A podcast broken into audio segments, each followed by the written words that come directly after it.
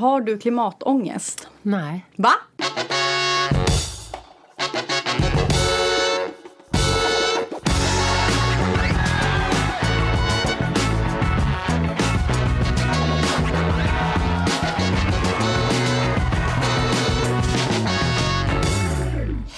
Hej och välkomna ska ni vara till Gott folk, podden där jag, Hanna, sätter våra mest intressanta svenskar i moraliska dilemman i ett försök att komma dem lite närmare på djupet. Hur bra känner de sig själva? Hur enkelt är det att offra ett människoliv för att rädda tre andra? Och hur väljer de när inget av valen är att föredra? Och vad är en bra människa? Veckans gäst är ingen mindre än Alice Bakunke.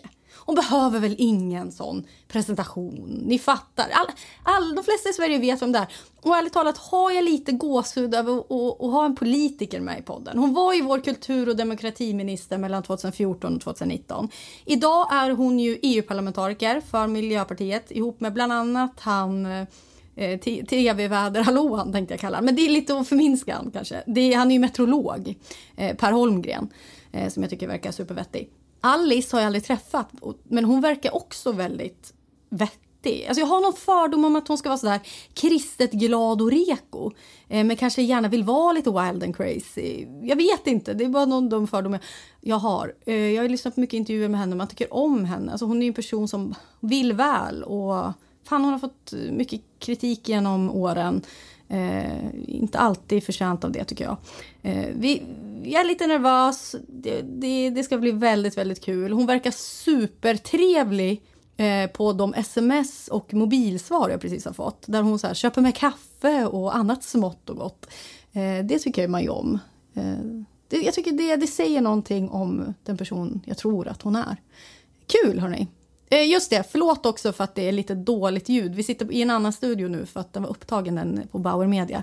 Eh, så vi sitter faktiskt på Nöjesguiden här vid Slussen där det åker massa lastbilar och skit och bilar som kör över det här busshindret. Som, ja, de håller på och tutar och grejer. Jag hoppas att det inte läcker in för mycket och, och att ni kan ha lite överseende med det. Nu, nu kör vi. Hon är på ingång. Vad kul att du är här. Ja, det här ska bli spännande. Eh, har du ett tekniskt schema? Tekniskt Hektiskt. Alltså. har du tekniskt schema? Ja, tekniskt schema. Jag såg framför mig en, sån här, en tavla med massa olika eh, sladdar. eh, ett hektiskt schema? Nej, jag tycker att jag har ett alldeles eh, lagom schema för mig. Mm. Det kanske är mer hektiskt än min eh, mammas som är pensionär. Mm. Men eh, för mig funkar det fint. Ja. För du är ju EU-parlamentariker ja. för Miljöpartiet ja. tillsammans med Per Holmgren. Ja, och ja. Jakob Dalunde okay. också. Vi är tre nu sen eh, britterna lämnade. Ah. Så har ju Sverige fått eh, ett av de så kallade brexitmandaten. Eh, hela parlamentet krympte. Mm. Eh, vi var 751 eh, politiker från hela EU och nu är vi 705. Men det både krympte och så fördelade man om lite beroende på hur väljarna har röstat i de olika länderna. Och i Sverige var det Miljöpartiet som drog det längsta strået. Mm. Så vi är nu tre parlamentariker. Ah. Okay. Och vill du förklara lite, alltså vad gör en EU-parlamentariker? Lite kort så. ja, eh, lite kort. Basic. Jag är vald av eh, folket. Jag är precis som alla andra eh, parlamentariker folkvalda. Och EU-parlamentet där vi EU-parlamentariker då sitter och arbetar det är ju ett, en stor byggnad i Bryssel och i Strasbourg i Frankrike. Mm. Bryssel i Belgien och Strasbourg i Frankrike. Vi arbetar fram våra gemensamma lagar. De frågor som är gränsöverskridande de frågor som, som påverkas eller påverkar oss utifrån. Mm. Kan, vad, ska, exempel på en sån fråga? Miljöfrågor, ja. klimatfrågor. En typisk fråga, ett typiskt politikområde som inte har några gränser. Mm. Polens utsläpp påverkar Sverige och svenskarna. Och därför är det en typisk sån, ett sånt ämnesområde som vi tar gemensamma beslut kring. Men det handlar ju också väldigt mycket om handel tullar, mm. eh, möjligheter att bedriva företag eh, internationellt, alltså med andra länder i EU och utanför EU. Eh, migration, mm. eh, brottslighet, sånt som vi vill reglera tillsammans som rör sig över gränserna. Mm. Så, kring sådana frågor eh, arbetar vi och arbetar fram lagar och regler kring. Mm. Ja, för att man har ju någon eh, sån där... De som är EU-kritiska, tänker jag i mitt huvud då, tänker så här, ja, där sitter de och bestämmer liksom vilken böj det får vara på en gurka och sådär. Mm. Men det, det är liksom lite större frågor, men det kan också vara smått, eller? Ja, men det, det är ju en extrem nidbild nästan. Mm. Eh, det händer ju väldigt, väldigt sällan. De flesta frågor är verkligen större och gränsöverskridande. Jag vi är ju också placerade i olika så kallade utskott och jag arbetar i LIBE-utskottet. Det är utskottet där vi hanterar eh, medborgarnas fri och rättigheter. Ett mm. lagtungt eh, utskott, det tyngsta. Det finns inget annat utskott som man behandlar och arbetar med så många olika lagar som just i LIBE-utskottet. Och det är de svåraste av frågor. Mm. Jag tänker i den här gröna gruppen där du befinner dig, är man lite så extra stolt över Greta Thunberg och liksom, alltså som svensk känner man som att Ja, ja eller, eller det är nog allmänt. Inte. Alltså, jag ja. vet inte om vi är extra stolta. Jag tror att många svenskar oavsett vilken partigrupp de är med i. Men jag tänker att lyssnar den övriga gruppen lite mer på er för att ni... ja, det tror jag inte.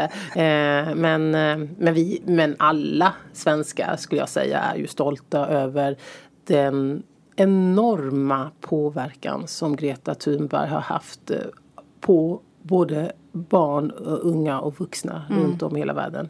Jag tror inte vi riktigt greppar det ännu. Hennes namn kommer ju stå i historieböckerna som en mm. av de få svenskar som faktiskt har gjort eh, skillnad i världen genom tiderna skulle jag vilja säga. Mm. Mycket ja, imponerande. Det är väldigt coolt. Har du träffat henne? Eh, nej. nej. Så, eller ja, jag, det känns som att ni borde ha varit ja. i samma sammanhang. Nej, men vi har ju så haft som strategi från Miljöpartiet redan sedan eh, hon sattes utanför riksdagen att inte på något sätt eh, befläcka henne nej. med politik utan tvärtom så eh, samtalade vi om detta och bestämde oss för att inte eh, eh bara, gå fram och ta bilder mm, med henne och så mm. vidare. Vilket alltså ni inte ska claima henne nej, till er? Liksom. Nej. För det tror vi att vi gör mer skada än nytta. Andra ja. politiker har ju däremot gjort det. Och eh, vi har verkligen försökt att eh, hålla ett, ett, tydligt avstånd. Hon är aktivist. Mm. Eh, vi är politiker. Det är två olika saker. Mm. Den här podden handlar till stor del om vad som är en bra människa. Tycker du att du är en bra människa? Nej, det skulle jag väl inte säga. Eller det är aldrig något jag har gått runt och reflekterat kring. Nej. Eh, nej. Vad, vad, är en bra ja. människa? Det är ju så oerhört eh, relativt skulle jag säga. Och jag vet inte ens vad den... Jag, alltså jag har svårt att definiera vad en bra människa är. Om du skulle försöka då? Nej men jag tror att strävan efter att göra så lite ont som möjligt är något bra. Mm. Eftersom vi människor ju eh, med all eh, uppenbar tydlighet eh, har alldeles för lätt för att förstöra för andra människor och förstöra vår planet. Mm. Så just den där strävan, det skulle jag säga, är något gott. Och jag försöker att göra så lite skada som möjligt. Har, har du liksom tillfällen eller situationer då du känner dig lite extra bra då? Tänk om du inte går runt i livet och liksom slår dig för bröstet och tänker att jag är en bra person. Men finns det liksom tillfällen då du känner att där jag mår bra ja, för att jag känner ja, mig precis. tillfredsställd med mig där, själv. Ja. ja. Jo, men off, alltså jag känner mig eh, tillfreds med mig själv när jag jobbar hårt. Mm. Jag har aldrig varit eh, smartast, aldrig varit roligast, aldrig varit snyggast. Men jag har ofta varit bäst på att arbeta hårt. ja, det är ju en talang i sig verkligen. Ja men verkligen. Ja. ja men genom hela livet. När de andra sprang fem varv, då sprang jag åtta. När de mm. andra läste två böcker, då läste jag sex. Mm. Alltså, jag, jag är ett resultat av arbetsseger. Mm. Um, och, då, och, det har jag, och det är för mig också tillfredsställande. Jag har med andra ord väldigt gott självförtroende. Det vill säga, jag har en god tilltro till min förmåga att prestera. Mm. Det är väldigt få saker genom livet eh, som jag inte har trott mig kunna åstadkomma om jag får tillräckligt mycket tid på mig. Mm. Och, Och på den vägen är det. För något år eller jag, förra året åkte jag Vasaloppet. Jaså? Ja. Alltså långa? Ja. Mm. Jäklar. Eh, jag åkte ja. Tjejvasan, det tyckte jag räckte. Nej men ja, det hade, det hade ju räckt för mig också. men jo, då har jag haft en dröm genom hela livet att någon gång ska jag stå där. Ja. vet man har tittat mm, på, mm, på, det, mm. på det, denna statue mm. sen man var barn. Det är en av mina... Och den här låten när man går i mål också. Ja, det är sån gåshud.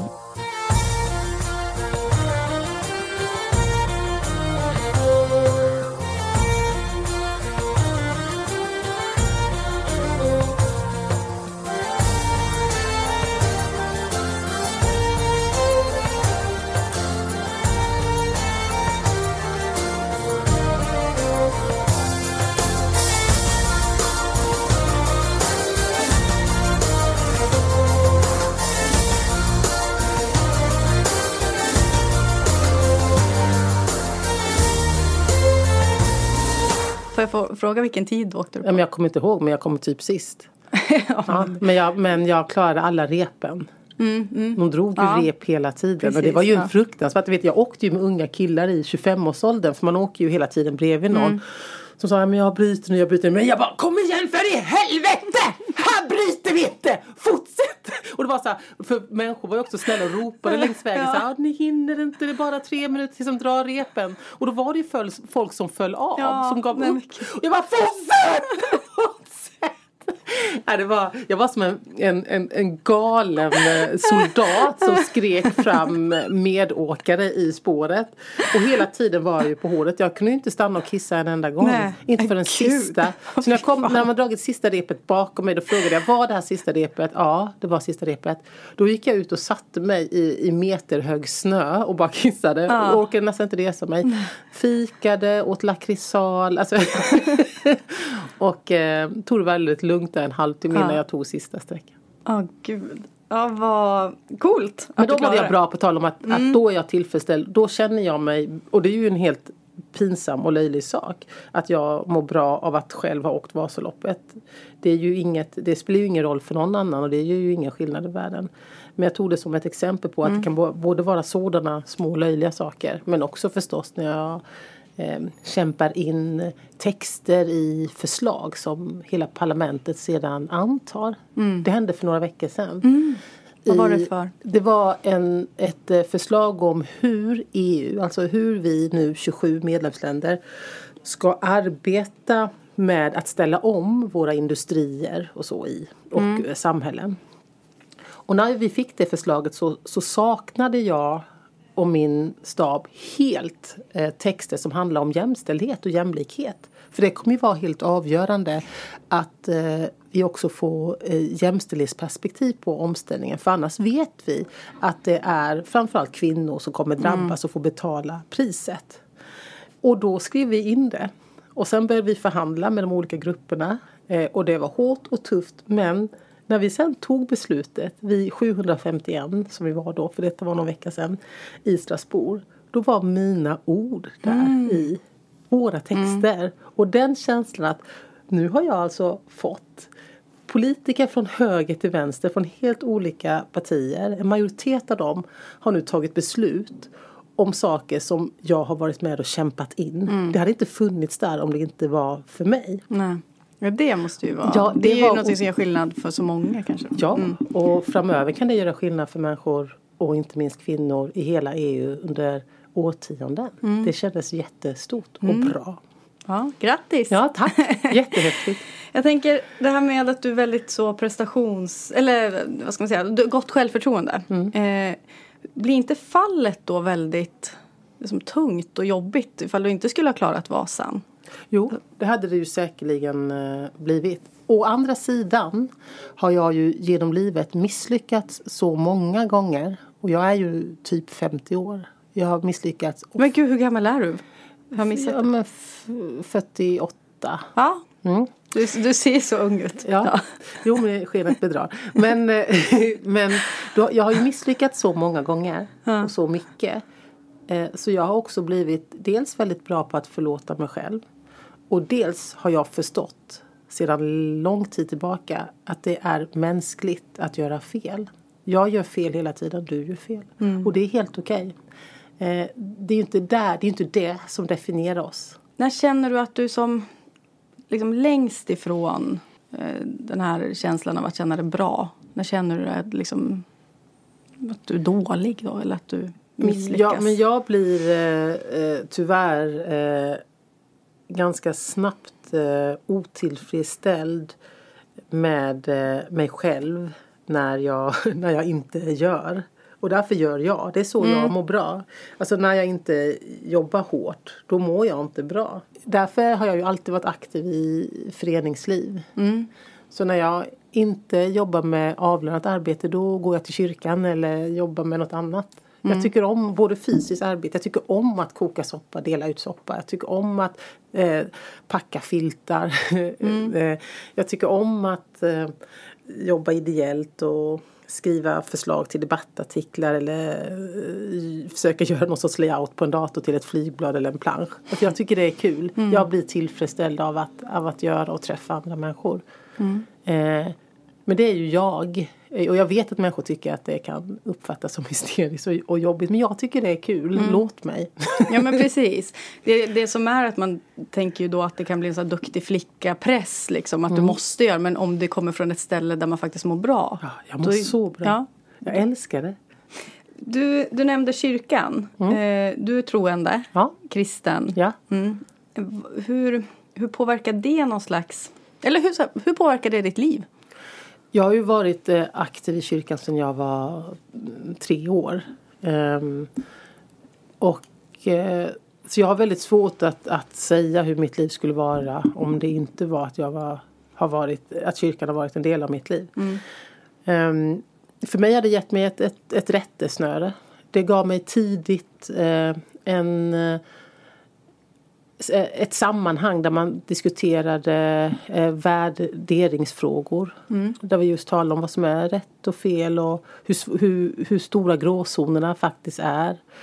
Eh, sen har jag haft väldigt roligt i kyrkan. Mm. Jag bo, bodde ju en, en, på en liten ort, Hårda i, i Småland. Där fanns inte så mycket annat att göra heller än att vara i kyrkan. Mm. De hade ett pingisbord. Jag har åkt på läger med kyrkan. Träffat eh, otroligt eh, inspirerande människor genom kyrkan. Och sådär. Det har inte givit dig någon tyngd då? Alltså någon slags rädsla för att vara dålig eller hamna i helvetet? Eller liksom... Jo, i mm. perioder genom livet. Mm. Och som barn när man läste eh, Bibeln och vad som stod i vissa eh, delar av den. Så självklart. Mm. Men eh, jag har ju ägnat den största delen som aktiv i Svenska kyrkan som ju är en, en väldigt liberal kyrka. Eh, där det inte handlar om att eh, döma andra människor utan mer om att eh, uppmuntra andra människor och försöka presentera verktyg som man kan använda i livet. Mm. När du jobbar eh, som EU-parlamentariker och, kanske nära då personer som tycker väldigt olika dig eh, jag tänker då kanske från, vi, vi, vi nämnde Ungern och Polen. Där Alltså jag tänker, finns, kan du se att religion kan vara ett problem? Oh ja. ja. Nej men ja, milt uttryckt, ja. alltså inte bara där utan här och överallt. Jo, jo. Alltså i Guds namn görs, bedrivs ju de mest eh, fruktansvärda företeelser. Och, jag tänker eh, på de här hbtq, det ja, hatet. Ja, liksom. men och katolska mm. kyrkan fortfarande när det gäller allt ifrån eh, eh, rätten till beslut om sin egen kropp, aborträtten mm till eh, fördömandet av homosexuella eh, till eh, kyrkans blodbad då för flera hundra mm. år sedan och så vidare. Men det finns ju så enormt mycket helvete som kommer från våra religioner i världen. Det är ju fruktansvärt. Mm. Fruktansvärt. Gör det någonting med din tro? Så kan den skakas till? Eh, Nej, alltså det gör ingenting till, det påverkar inte min personliga tro men Nej. det påverkar ju självklart min politiska hållning till kyrkornas makt. Mm. Jag är ju oerhört glad för att Svenska kyrkan som jag är medlem i är skild från svenska staten. Att vi mm. inte har en statskyrka. Mm. Och så vidare och så vidare. Är du bra på att förlåta? Ja, eller jag har i alla fall blivit väldigt mycket bättre på att förlåta genom livet. Jag var ju väldigt mycket sämre på det när jag var ung. Mm. För jag tänker, du pratar ju det här om att det ska vara okej okay att misslyckas mm. och så. Det känns ju som att du har lättat. Ja, Nej, men jag har jobbat med eh, att eh, både förlåta mig själv och andra. Mm. Och det har jag ju inte minst gjort i kyrkan och övat på det. Mm. Kan man förlåta allt? Ja, det, det finns ju inget generellt svar på det. Utan det är upp till var och en. Men kan, kan du, enligt dig då, skulle, kan du förlåta? Om jag kan mm. förlåta allt? Eh, jag har ju inte varit utsatt för allt. Så det är också väldigt svårt att svara på. Mm. Eh, jag hoppas för min egen skull att jag i alla fall, om jag inte kan förlåta, så hoppas jag att jag hittar verktyg så att jag kan gå vidare även om jag har blivit utsatt för det värsta. Mm. Jag har träffat väldigt många människor som inte kan förlåta men som också därför fortfarande är bundna på något sätt mm. vid det oförrätten. Och jag har träffat många människor som har lyckats förlåta. Inte, eller framförallt handlar det om att förlåta mycket har ju handlat om att förlåta sig själv. Mm. Alltså många människor som jag möter, alltså min, min närmsta vän är narkoman och alkoholist och jag har varit med henne på många möten eh, som de då har öppnat på ja, NA-möten, AA-möten och så. Och när man sitter där och lyssnar på människor eller talar med människor efter mötet om, om livet så blir det ofta väldigt tydligt att de också dömer sig själva väldigt hårt mm. för vad de har gjort eh, i jakten på droger eh, eller för att eh, orka leva eh, och hur de har skadat andra människor. Och det blir väldigt svårt att leva och göra bättre om man går runt och hatar sig själv. Mm. Har, du, har du någon eller något i ditt liv som du inte kan förlåta? Jag har, jag måste tänka, har jag någon som inte kan förlåta? Nej, men jag har, det finns eh, saker som har hänt mig i mitt liv som jag då, när det hände och under lång tid inte kunde förlåta. Men som jag idag har förlåtit. Mm. Men det tog väldigt lång tid. Ett poddtips från Podplay. I fallen jag aldrig glömmer djupdyker Hasse Aro i arbetet bakom några av Sveriges mest uppseendeväckande brottsutredningar. Går vi in med hemlig telefonavlyssning och, och då upplever vi att vi får en total förändring av hans beteende. Vad är det som händer nu? Vem är det som läcker? Och så säger han att jag är kriminell, jag har varit kriminell i hela mitt liv men att mörda ett barn, där går min gräns. Nya säsongen av Fallen jag aldrig glömmer på Podplay. Vi ska gå in på ett eh, moment som heter moralsnabbisen. Mm. Jag ställer snabba frågor och du får svara hur långt du vill. Ska droger legaliseras? Nej. Helt klart nej. Inte marijuana eller? Du är helt, nej. nej. Jag tycker eh, däremot att vi ska ta hand om människor som är, lever i beroenden. Att de ska få verktyg och hjälp för att bli fria från det helvetet. Eh, men jag tycker inte att vi ska göra det lättare för människor att ta sig in genom dessa helvetesportar. Mm. Men eh, vi behöver göra väldigt, väldigt mycket mer för att eh, hjälpa människor bort från skiten. Mm. Har du testat droger själv? Jag har, ja, nej det har jag inte. Jag har trott att jag har gjort det. Mm. Ja. Har du blivit lurad? Ja. men det blivit till och med en rubrik i en tidning. Ja men just ja, det. Jag trodde ju att jag hade rökt marijuana men det visade sig att det var eh, så indiska eh, smaksatta eh, cigaretter. Är det okej okay att köpa sex? Nej. Nej. Punkt slut. Mm. Äter du kött? Nej. Nej. Inte sen du var 13 va? Nej, mm. för jag har ju, nu är jag ju vegan sedan flera år tillbaka och innan dess var jag vegetarian och, i många år. Det var väldigt, jag kommer inte ihåg hur kött smakade. Det, det, jag tycker, ja, nej, nej. nej. Du har inte fått något sånt, jag tänker du har ju tre barn under ja. dina graviditeter. Du har inte fått något sånt, eh, sånt eh, köttsug? Ja, jo, jag hade ett sug en gång efter, eh, vad heter det, isterband. Småländska isterband. ja, för det kanske är min smaken. Ja, det var så syrligt och knaprigt och gott. Ja. Eh, men, men det var inte så starkt att jag gav mig hän och jag tror att jag skulle bli, jag skulle nog bli sjuk om ja. jag åt eh, kött idag. Jag vet inte hur mina tarmar och mage skulle reagera. Är hela din familj veganer? Nej, ingen nej. annan. Det är bara jag. Ät, de vegetarianer eller? Eh, nej, de äter egentligen allt men det blir ju väldigt mycket vegetariskt och veganskt. Mm. Men de är ju barn eh, och min man är en sån köttälskare så att eh, kött är ett tillbehör som dyker upp ibland. Sen vet jag inte vad han trycker i sig i smyg runt hörnet. Det här tror jag kom, att jag vet vad du kommer svara på, men jag frågar ändå. Har du klimatångest? Nej. Va? Jaha, jag trodde jag var helt säker på att du skulle svara ja. Nej, jag har ingen. Nej. Jag Och- tänker, du måste ju läsa så mycket domedags... Å andra sidan ser du ju allt arbete som görs. Men... Ja. Nej, men, och det är nog för att jag eh, är eh, och vill vara väldigt rationell. Ångest lönar sig inte. Nej, Jag vill, Nej men jag vill ägna... svårt att styra tänker jag. Jo, nej, fast då, det styr jag bort från mitt huvud. Mhm. Jag, vill inte, jag vill inte ägna tid åt sånt som inte ger något. Att gå runt och ha ångest, det är som att ha dåligt samvete. Vad gör det? Ingenting. Det gör ju bara mig till ett sämre verktyg, Jo, men- någon som inte är i full kraft. Men jag går inte runt med ångest. Däremot kan jag bli oerhört frustrerad, arg, ilsken över vad vi vuxna har gjort med den här jävla planeten. Jag blir så förbannad. Men, men jag går inte runt och har ångest. Men är du rädd? Jag är rädd för att vi inte ska lyckas. Att vi inte ska lyckas skapa de förutsättningar som kommande generationer behöver för att kunna bygga liv och framtid. Men jag är inte så rädd att jag inte arbetar hårt för det motsatta. Du har inte liksom gett upp? Nej, eller du... inte Nej. på långa Nej. vägar. Jag har precis börjat. Eh, Det är ju synd att jag är så gammal. För jag känner att jag har precis kommit igång. Fy fasen vad jag har kraft, eh, energi, idéer, kontakter. Jag har precis börjat. Jag tänker göra allt jag kan. Jag har fött tre barn till den här världen. Skulle jag lämna dem med det här? Aldrig.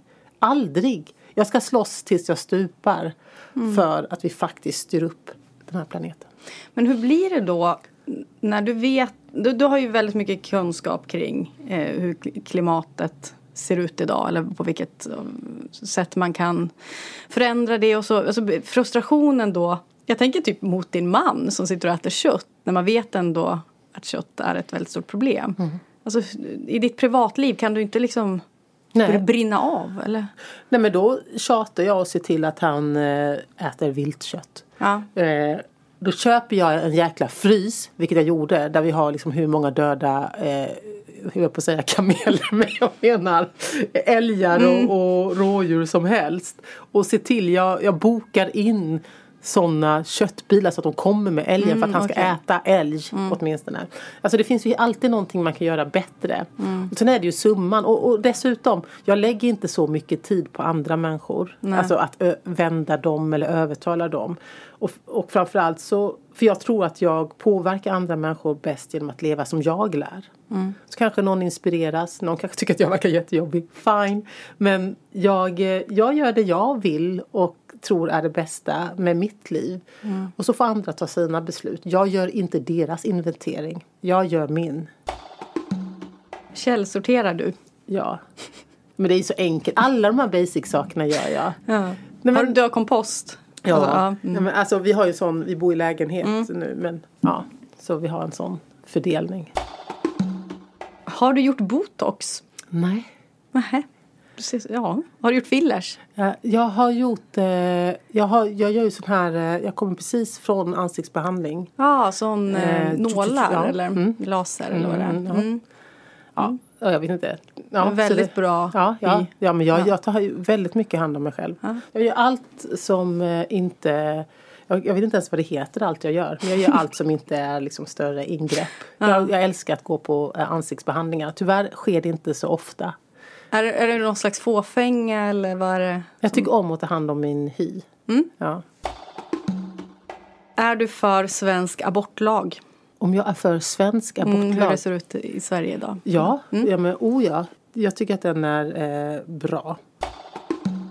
Tycker du att det är moraliskt försvarbart att abortera ett barn av den anledningen att den har Downs syndrom? Jag tycker att eh, varje människa, varje kvinna eh, och man eh, måste ta sina, sina egna beslut. Eh, Du tycker inte att det är någonting som ska som förbjudas eller liksom? Men jag, tänker- tror, jag tror mycket mer på att människor ska ges verktyg för att klara av olika situationer i livet än att vi ska behöva förbjuda allting som, som vi inte tycker är bra. Alltså jag, tror, jag tror att många människor skräms av tanken att få ett barn som skiljer sig från de flesta andra. Men om man då blir eh, fylld av, av eh, andras erfarenheter och man får resurser att klara av det då kanske man inte skräms lika mycket. Mm. Så det tycker jag är, är av större betydelse att människor ska få se på alternativen, känna att det finns ett samhälle där som stöttar dem och som kommer hjälpa till. Men jag skulle aldrig få för mig att döma någon kvinna för att hon har tagit beslut om att göra abort. Därför att hon kände att hon inte skulle klara av det. Mm. Då respekterar jag henne och hennes mm. beslut. Hur mycket skänker du till välgörenhet varje månad? Jag har så här autogiro.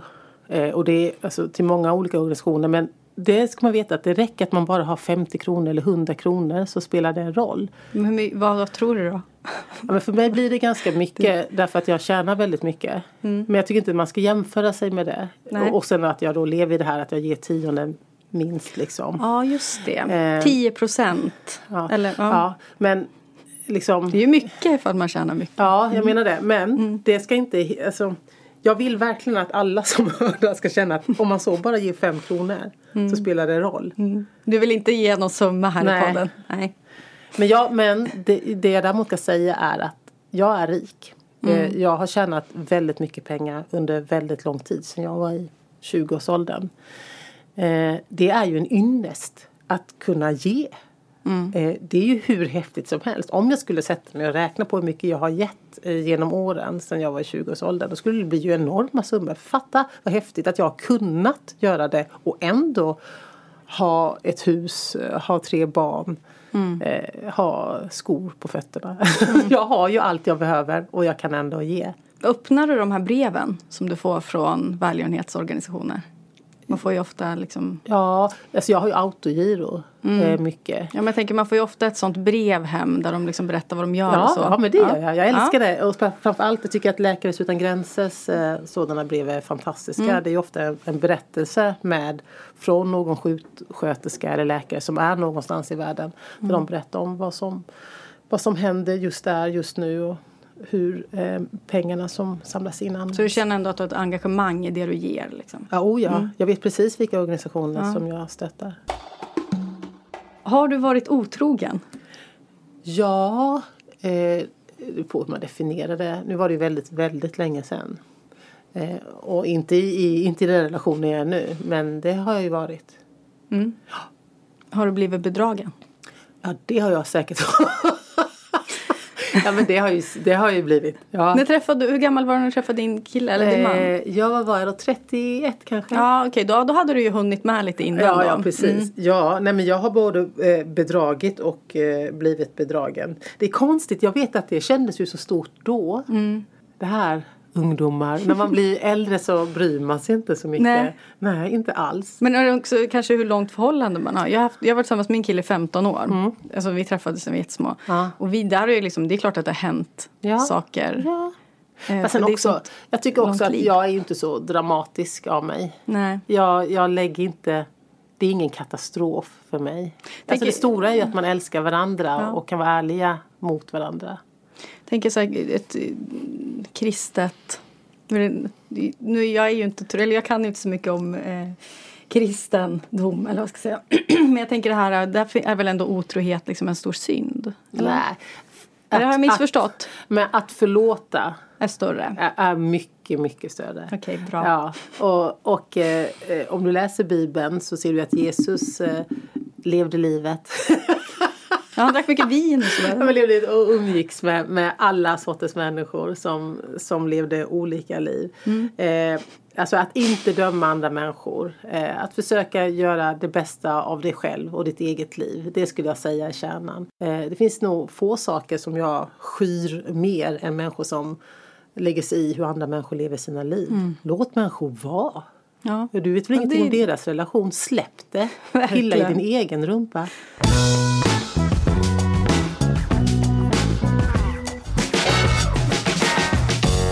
Jag har en, en del här som heter Vad sa du, sa du? Jag har hittat ett citat mm. från dig mm. som jag tänkte att du skulle få bemöta eller liksom eh, reagera på. Som jag funderar lite över. Du, alltså, du sa i Renés brygga 2018, när du var med där, att jag har inte dåligt samvete. Jag har i mina mått mätt varit mån om att välja bort allting utom barnen. Det där med livspussel, det tycker jag är skitsnack. Mm. Vad menar du? Ja, Nej, men jag menar, eh, och menade nog just det jag sa, att det finns väldigt många människor som verkar tro att man måste få ihop allt man vill. Att man både ska träna, träffa sina vänner, jobba 40 timmar i veckan, eh, åka på semester, ha tid för sin partner och leka jättemycket med sina barn i någon jäkla park. Eh, det här är omöjligt. Det finns till och med studier som visar på att om man skulle lyckas med allt detta i ett vanligt liv mm. så skulle man behöva uppemot så 40 timmar per dygn. Mm. Det har vi inte. Nej. Det finns 24 timmar, punkt slut. Och därför så tror jag att det finns en Alltså det finns kommersiella krafter bakom ja, eh, som driver mm. på att vi ska vilja göra allt det här. För att man ska kunna sälja, sälja, sälja Bli grejer. Bättre, till. förändra det. Ja, mm. ja, bara släpp det. Mm. Det, fin det finns inget pussel som går... Pusselbitarna är fler eller färre. Vi får inte ihop allt det där. Som, som då de här krafterna vill att vi ska tro att vi måste få ihop för att vårt liv ska vara fulländat. Mm. Därför att det finns inget fulländat liv. Livet är skit. Mm. ja, men jag menar, alltså allting är ju bara en stor komplott. Gå, mm. Vi får inte gå på det. Nej. Så jag, jag vägrar eh, det där. Jag, jag, köp, jag, jag, är inte, jag har inte köpt det. Eh, så du, och du har inget dåligt samvete? Liksom? Jag har det är inget något som jagar dig? Nej. Nej, därför att dåligt samvete är olönsamt. Du verkar vara duktig på att styra dina tankar och känslor ändå. Att du har Jo men det kommer med ålder. Jag är mm. gammal som sagt. Mm. Jag, jag, jag, tänker det är så. Det, jag, för man är liksom en person som drivs då lite av ångest och, och dåligt samvete. Det är svårt. Jag förstår ju att det är olönsamt. Men det är väldigt svårt att upplever jag det som att tänka nej men det där är olönsamt. Jag ska inte mm. alltså, Jag har ju där. tränat. Mm. Det är träning. Du kan träna upp din förmåga att inte ägna eller låta din hjärna ägna sig åt saker som inte ger dig eller någon annan någonting. Vi ska gå in på dilemman. Jag har skrivit fantasidilemman eh, som är lite så moraliskt eh, kluriga kan man säga. Mm. Eh, och du ska ju då ta ställning i de här. Och det är hypotetiskt så du liksom inget sånt här, det här, det här skulle aldrig hända. Utan det har hänt mm. i det här. Mm. Du är på skidsemester med hela familjen. När ni sitter och äter lunch mitt i backen ser ni hur en lavin kommer i full fart ner mot den plats ni sitter. Din man springer därifrån och räddar sitt eget skinn för familjen. Lavinen når er aldrig så ni alla klarar er. Förlåter du honom? Eh, ja. Nej, men, eh, det här måste du ha funderat på. Det här har jag verkligen funderat på. Och inte minst då när jag såg Turist och såg hur min man eh, då som spelar pappan i den här filmen gör just detta. Nej men jag, jag hade ju förlåtit honom. Jag hade ju skrattat jättemycket. Men, Skratta? Nej men det, är ju, det hade ju varit för patetiskt. Men jag hade inte blivit så förvånad. Men sen hade jag eh, förlåtit honom. Men förstås fått mig en tankeställare. Det är så mm. jäkla dåligt. Mm. Hur att tror du att du själv hade agerat då? Alltså... Jag vet inte. Ja, det värsta är väl att man kanske då skulle få eller hamna i en panik eh, känsla som gör att man reser upp och springer. Men då hade jag ju haft väldigt svårt att förlåta mig själv. Mm. Att jag skulle ha lämnat mina barn. Nej, mm. hemskt. Men du skulle förlåta honom? Ja, och mm. hoppas på att jag skulle bli förlåten också. Mm. Din goda vän Eva Röse har skrivit ett manus till en ny dramaserie. Hon ger dig 200 sidor långt utkast för ditt utlåtande eftersom hon litar på dig. Hon själv är mycket stolt över det hon har åstadkommit. Det du läser är inte bara uselt, det är faktiskt pinsamt och nästan oläsbart. Om det här genomförs kommer det nog att skada Eva. Är du ärlig med henne? Ja, tveklöst är jag eh, helt ärlig med henne. Hon är ju en av mina närmsta vänner och jag kan vara helt ärlig. Jag skulle ju hon kommer bli kanske väldigt sårad då? Hon Nej. kämpar med det här. Jo, det kanske hon blir men hon uppskattar ärlighet eh, och hon förväntar sig det av mig. Så jag skulle eh, Ja men jag skulle säga exakt som det är. Du, är du bra tycker du på att liksom ge att vara ärlig i den typen av situationer? Lindar ja. du in det mycket eller hur? Nej, nej, jag lindar inte in någonting. Aldrig. Det är ju inte en, en bra sida hos mig utan det är nog en av mina sämre. Jag, jag anser mig inte ha tid eh, att linda in saker och ting. Vilket gör att jag eh, allt för ofta är brutalt ärlig. Och som ledare och chef som jag är eh, är det ju inte alltid det bästa. Utan Nej. jag får ju anstränga mig för att ibland lulla till det eller be någon annan säga någonting som är bättre på att göra det lite snällare. Mm. Har det hänt att du gjort folk ledsna med kritik? Oh ja. Mm. ja. Det beror ju delvis också på att jag själv älskar kritik. Jag tycker mm. man blir bättre av det. Jag blir ju inte bra av att människor säger att jag är bra. Jag, gör ju, jag vet ju själv. Mm. Jag är fullt medveten om att jag gör fel hela tiden. Då behöver jag ju kritik för också andras perspektiv på de här felen jag gör. Eller, eller kanske på fel som jag inte har upptäckt. Mm. Eller misstag jag har gjort. Ehm, och då vill jag ju ge andra människor samma chans till utveckling. Ehm, men eftersom jag har varit chef och ledare i större delen av mitt vuxna liv så har jag blivit väldigt mycket bättre på att, att ge eh, konstruktiv kritik, göra det på bra sätt. Mm. För att ge människor en chans att, att utvecklas. Samma chanser som jag vill ha att mm. kunna utvecklas.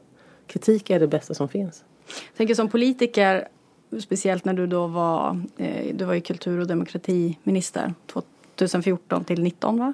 Eller? Ja, ja. ja. Mm, ja. Eh, där fick du väl ändå en del kritik? Oh ja, det får, man, det får jag ju varje dag ja. som politiker. Hur, och för dig då, liksom, kände du att du, det var hanterbart? Du kunde ta det? Liksom? Ja, men så här är det. Kritik eh, från människor som eh, tycker om mig. Mm. Som vill mig väl. Och som vill att jag ska utvecklas till det bättre. Är ju det tveklöst bästa som finns. Det får jag varje dag och jag ser till att jag har människor runt omkring mig som varje dag kritiserar mig för att jag ska bli ett bättre verktyg för den värld jag vill bidra till att, att skapa. Kritik från människor som tycker illa om mig, kanske till och med hatar mig eller vill att det ska mm. gå åt helvete för mig. Den lyssnar jag ju inte alls på. Varför mm. ska jag lyssna på den? Och det, så tror jag att fler skulle må bra av att, att eh, eh, kunna hantera kritiken. Mm, gör skillnad på det. Ja, det är ju en mm. enorm skillnad. Milsvidd. Men det är svårt det... kanske att veta då, ifall någon vill en väl eller inte. Eller? Fast då får man ju se till att man eh, samlar ihop människor eller lär sig urskilja vilka vill dig väl och vilka tycker illa om dig. Mm. I mitt fall är det inte helt svårt att, att identifiera. Men någon sverigedemokrat ja, ja, eller ja, men det finns ju hur många eh, borgerliga ledarskribenter som helst som mm. inte alls mm. vill eh, samma sak som Miljöpartiet. Eh, ja, varför ska jag lyssna på dem? Men däremot kritik från andra miljöpartister i Sverige eller i Europa eller världen den är ju mm. fantastisk. Den svider ju kanske väldigt, väldigt mycket mer. Men den gör ju mig bättre. Det är dags för möhippa för din gamla Smålandspolare Lena. Du som eh, har ett lite späckat schema hinner inte riktigt få någon insyn i de här förberedelserna.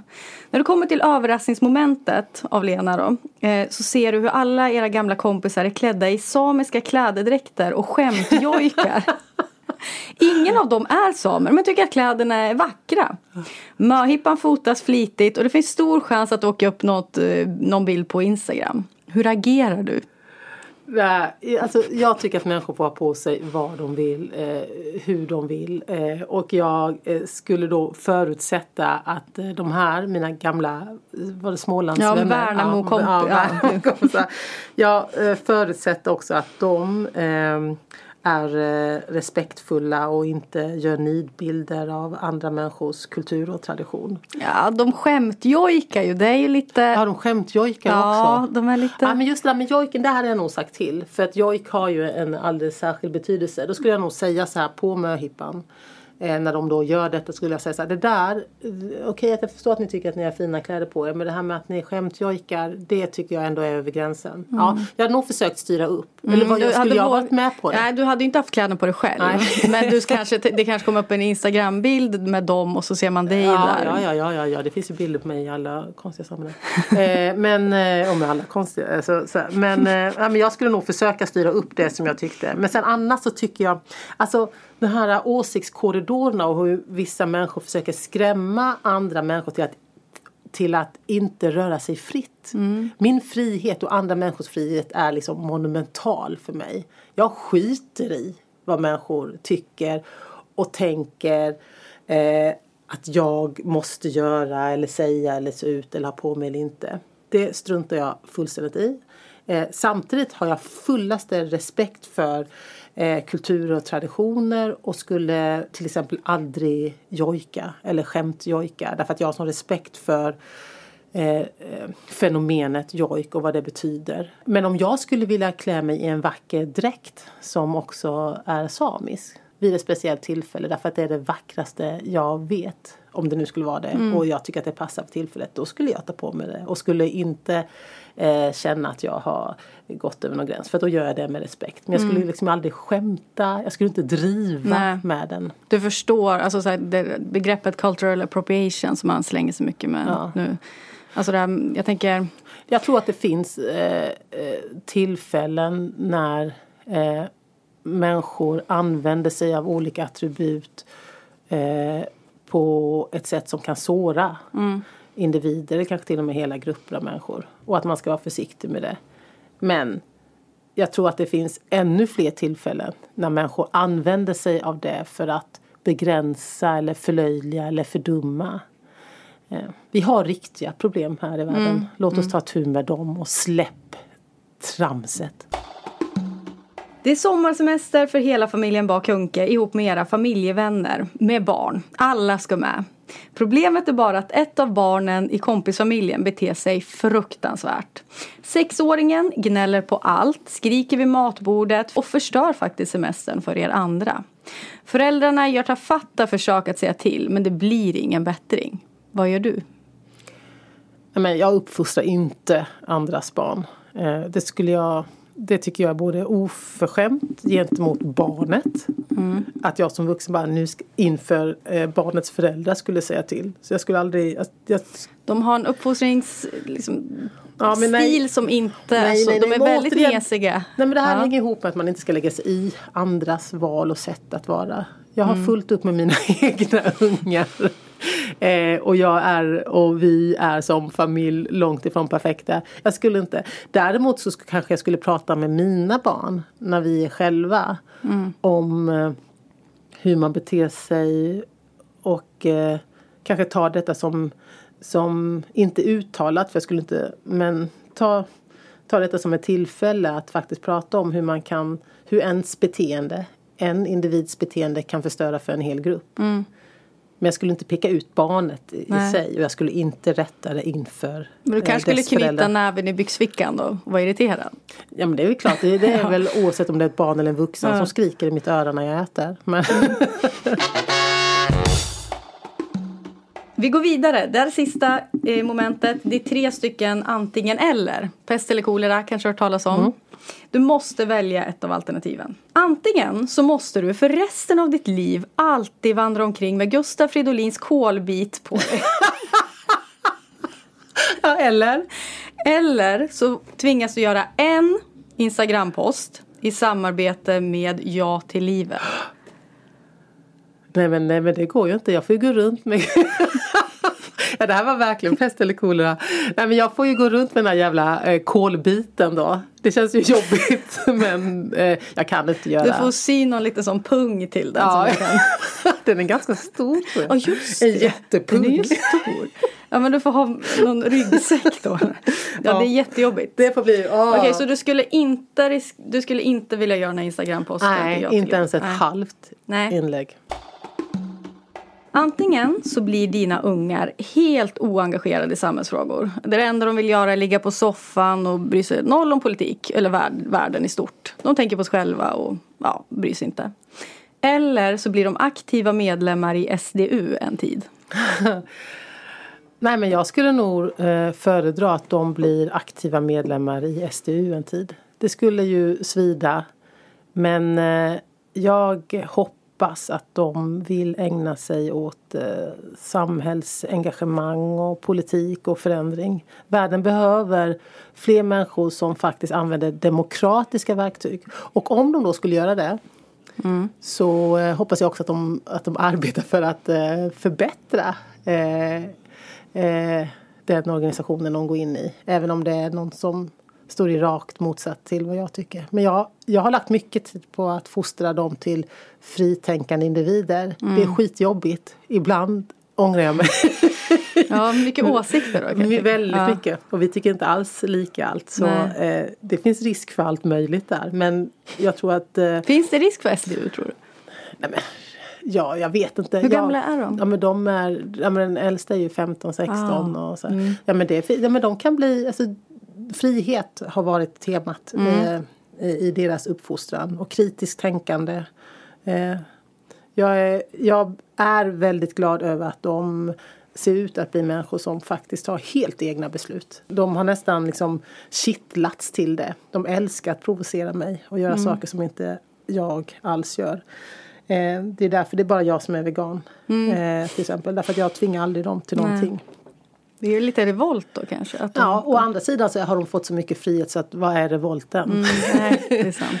Eh, men eh, jag vill hellre att de är aktiva och försöker göra någonting bra för, för sina medmänniskor och sitt community än att de inte gör någonting alls. Frågan är väl ifall man i SDU försöker göra så mycket bra för sin... Ja. ja, man kan förändra det. Det finns säkert människor där som vill bra saker. Mm. Men som kan, jag uppmanar också alltid alla unga människor att engagera sig i politiken. Mm. Och så säger jag till dem, bara för att du går in i ett ungdomsförbund så behöver du inte stanna där. Du kan Nej. vandra vidare tills du hittar din hemplats. Antingen så blir du väldigt förälskad i en man som du jobbar med. Du förstår att det bara är en förälskelse och inte värt att offra ditt äktenskap för. Eller så blir din man förälskad i en kvinna han jobbar med men förstår att det bara är en förälskelse och inte värt att offra ert äktenskap för. Ja, antingen är det jag eller mm. det han som gör samma saker. Jag försöker få tag på ja. det lite hur... Ja men då skulle jag nog, jag vill nog hellre att det är jag som Måste jag välja eh, så väljer jag att det är jag som blir förälskad men ja. förstår att det inte är värt att offra eh, Johannes och familjen för. Eh, Tänker du en tung börda ändå? Nej, jag tycker att det är så tungt. Det är väl härligt att vara lite förälskad. Det kan jag väl få vara. Ja. Mm. Jag vill, men för jag tänker att Fast risken är nog större att det är han för han träffar ju så härliga roliga människor hela tiden och får hångla och allt möjligt i sitt konstiga yrke. Mm. och du träffar lite så klimat Ja, ja men Killar. jag träffar också, jag sitter ju också i samma utskott som nationalister och fascister ja, och alla det. möjliga. Ja, så det kanske inte blir så mycket hångel. det blir inget pussande. så jag önskar mig detta. Ja, en härlig liten förälskling, ja. eller förälskelse.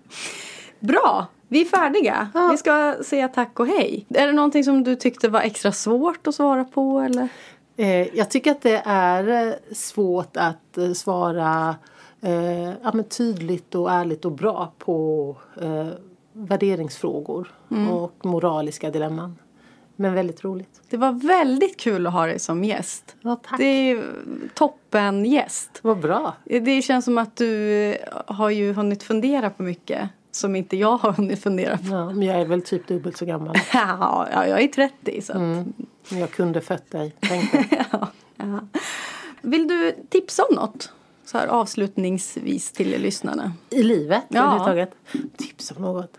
Ehm, det kan vara en film, det kan vara tankesätt. Det kan vara... Ja, men eh, jag skulle vilja understryka vikten av att eh, att förlåta sig själv. Vi talade ju lite om det mm. och kanske kommer det med ordentligt där i, i, svaret. Men jag möter allt för många, inte minst unga människor som bannar sig själv. Som går runt med eh, känslan av att inte ha gjort tillräckligt bra och som ja, men slår på sig själva. Mm. Sluta med det. Eh, du är förlåten. Mm. Punkt. Vad fint. Fick nästan lite så kåsrys. Eh, tack så hemskt mycket Alice Bah för att du kom hit. Ja, tack för att jag fick komma.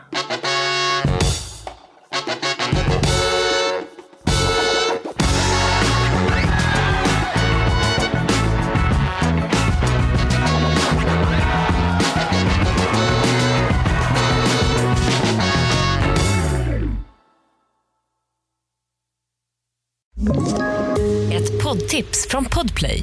I fallen jag aldrig glömmer djupdyker Hasse Aro i arbetet bakom några av Sveriges mest uppseendeväckande brottsutredningar. Går vi in med hemlig telefonavlyssning och, och då upplever vi att vi får en total förändring av hans beteende. Vad är det som händer nu? Vem är det som läcker?